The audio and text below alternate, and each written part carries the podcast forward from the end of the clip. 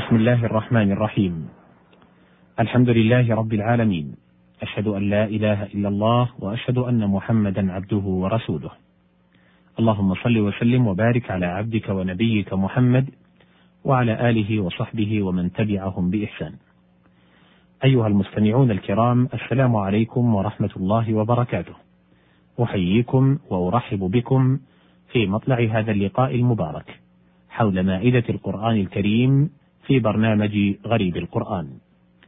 في هذا البرنامج نتناول ألفاظا من القرآن الكريم ببيان معانيها وإيضاح المقصود منها من خلال شعر العرب الفصحاء ونثرهم.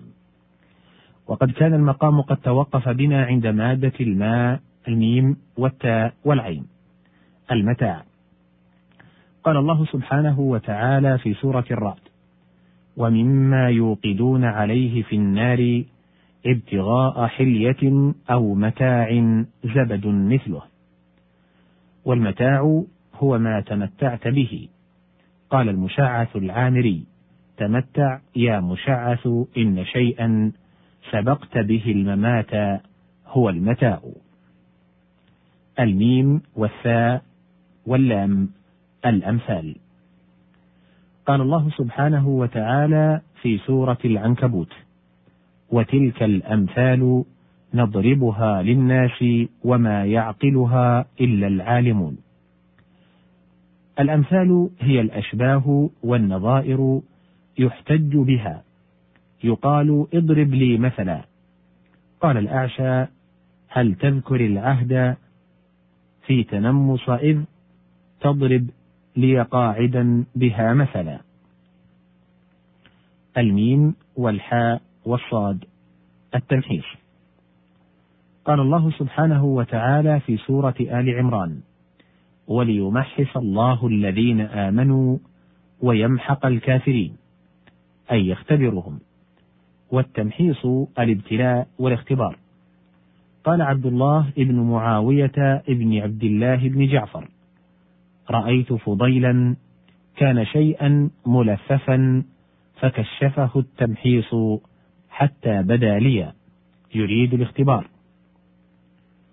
وقيل يخلصهم من ذنوبهم وينقيهم من محص الحبل محصا ومحص الحبل أيضا محصا متعد ولازم ذهب وبره. فهو محص وملص وأملص. ومحص عنا ذنوبنا أي أذهبها. الميم والحاء واللام. المحال. قال الله سبحانه وتعالى في سورة الرعد وهم يجادلون في الله وهو شديد المحال. أي العقوبة والمكر والنكال. قال الأعشى فرع نبع يهتز في غصن المجد غزير الندى شديد المحال إن يعاقب يكن غراما وإن يعطي جزيلا فإنه لا يبالي. غرام أي هلاك. وفي القرآن إن عذابها كان غراما أي هلاكا. أبر على الخصوم فليس خصم ولا خصمان يغلبه جدالا ولبس بين أقوام فكل أعد له الشغاجب والمحالا. والشغاجب قال الأصمعي الشغزبة ضرب من الصراع وهو أن يدخل الرجل رجله بين رجلي صاحبه فيصرعه. الميم والدال والدال. الممدود. قال الله سبحانه وتعالى في سورة الواقعة في سدر مخبود وطلح منضود وظل ممدود. أي لا تنسجه الشمس دائم يقال للدهر الممدود والعيش إذا كان لا ينقطع. قال لبيد غلب العزاء وكنت غير مغلب دهر طويل دائم ممدود. الميم والراء والجيم المريج. قال الله سبحانه وتعالى في سورة قاف بل كذبوا بالحق لما جاءهم فهم في أمر مريج. أي مختلط. يقال قد مرج أمر الناس أي اختلط. قال عمرو بن الداخل الهذلي فراعت فابتدرت بها حشاها فخر كأنه حوط مريج أي سهم. أخرج البخاري قول رسول الله صلى الله عليه وسلم كيف بك إذا بقيت في حثالة من الناس مرجت عهودهم وأماناتهم؟ أي اختلطت. الميم والراء والراء المرة. قال الله سبحانه وتعالى في سورة النجم علمه شديد القوى ذو مرة فاستوى. في مسائل نافع لابن عباس رضي الله عنه قال أخبرني عن قوله تعالى ذو مرة قال ذو شدة في أمر الله. قال وهل تعرف العرب ذلك؟ قال نعم.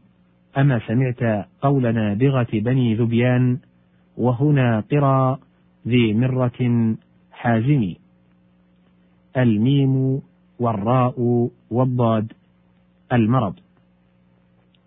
قال الله سبحانه وتعالى في سورة البقرة في قلوبهم مرض فزادهم الله مرضا. سأل نافع بن الأزرق عبد الله بن عباس رضي الله عنه قال أخبرني عن قوله تعالى في قلوبهم مرض. قال النفاق أما سمعت قول الشاعر أجامل أقواما حياء وقد أرى صدورهم تغلي علي مراضها قال أخبرني عن قوله تعالى فيطمع الذي في قلبه مرض. قال الفجور والزنا. قال وهل تعرف العرب ذلك؟ قال نعم. أما سمعت قول الأعشى حافظ للفرج راض بالتقى ليس ممن قلبه فيه مرض. الميم والزاي والجيم المزاج. قال الله سبحانه وتعالى في سورة الإنسان إن الأبرار يشربون من كأس كان مزاجها كافورا. المزاج ما يمزج به الشراب وأصل المزج الخلط ومنه مزجت الماء بالعسل واللبن بالماء. وقال حسان رضي الله عنه كأن خبيئة من بيت رأس يكون مزاجها عسل وماء.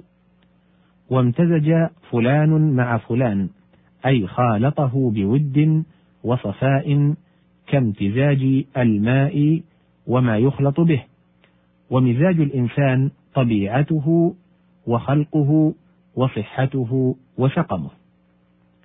الميم والزاي والقاف التمزيق قال الله سبحانه وتعالى في سورة سبأ فجعلناهم أحاديثا ومزقناهم كل ممزق قوله تعالى ومزقناهم أي قطعناهم ومزقناهم في البلاد بعد اجتماعهم في بلدة طيبة آمنين يقال مزقت الأديم أي قطعته قطعا. لهذه المادة تتمة إن شاء الله إن كان لنا عمر في لقاء تال أشكر في ختام هذه الحلقة الزميل مهندس الصوت خالد الشامخي وإلى لقاء قريب بإذن الله والسلام عليكم ورحمة الله وبركاته.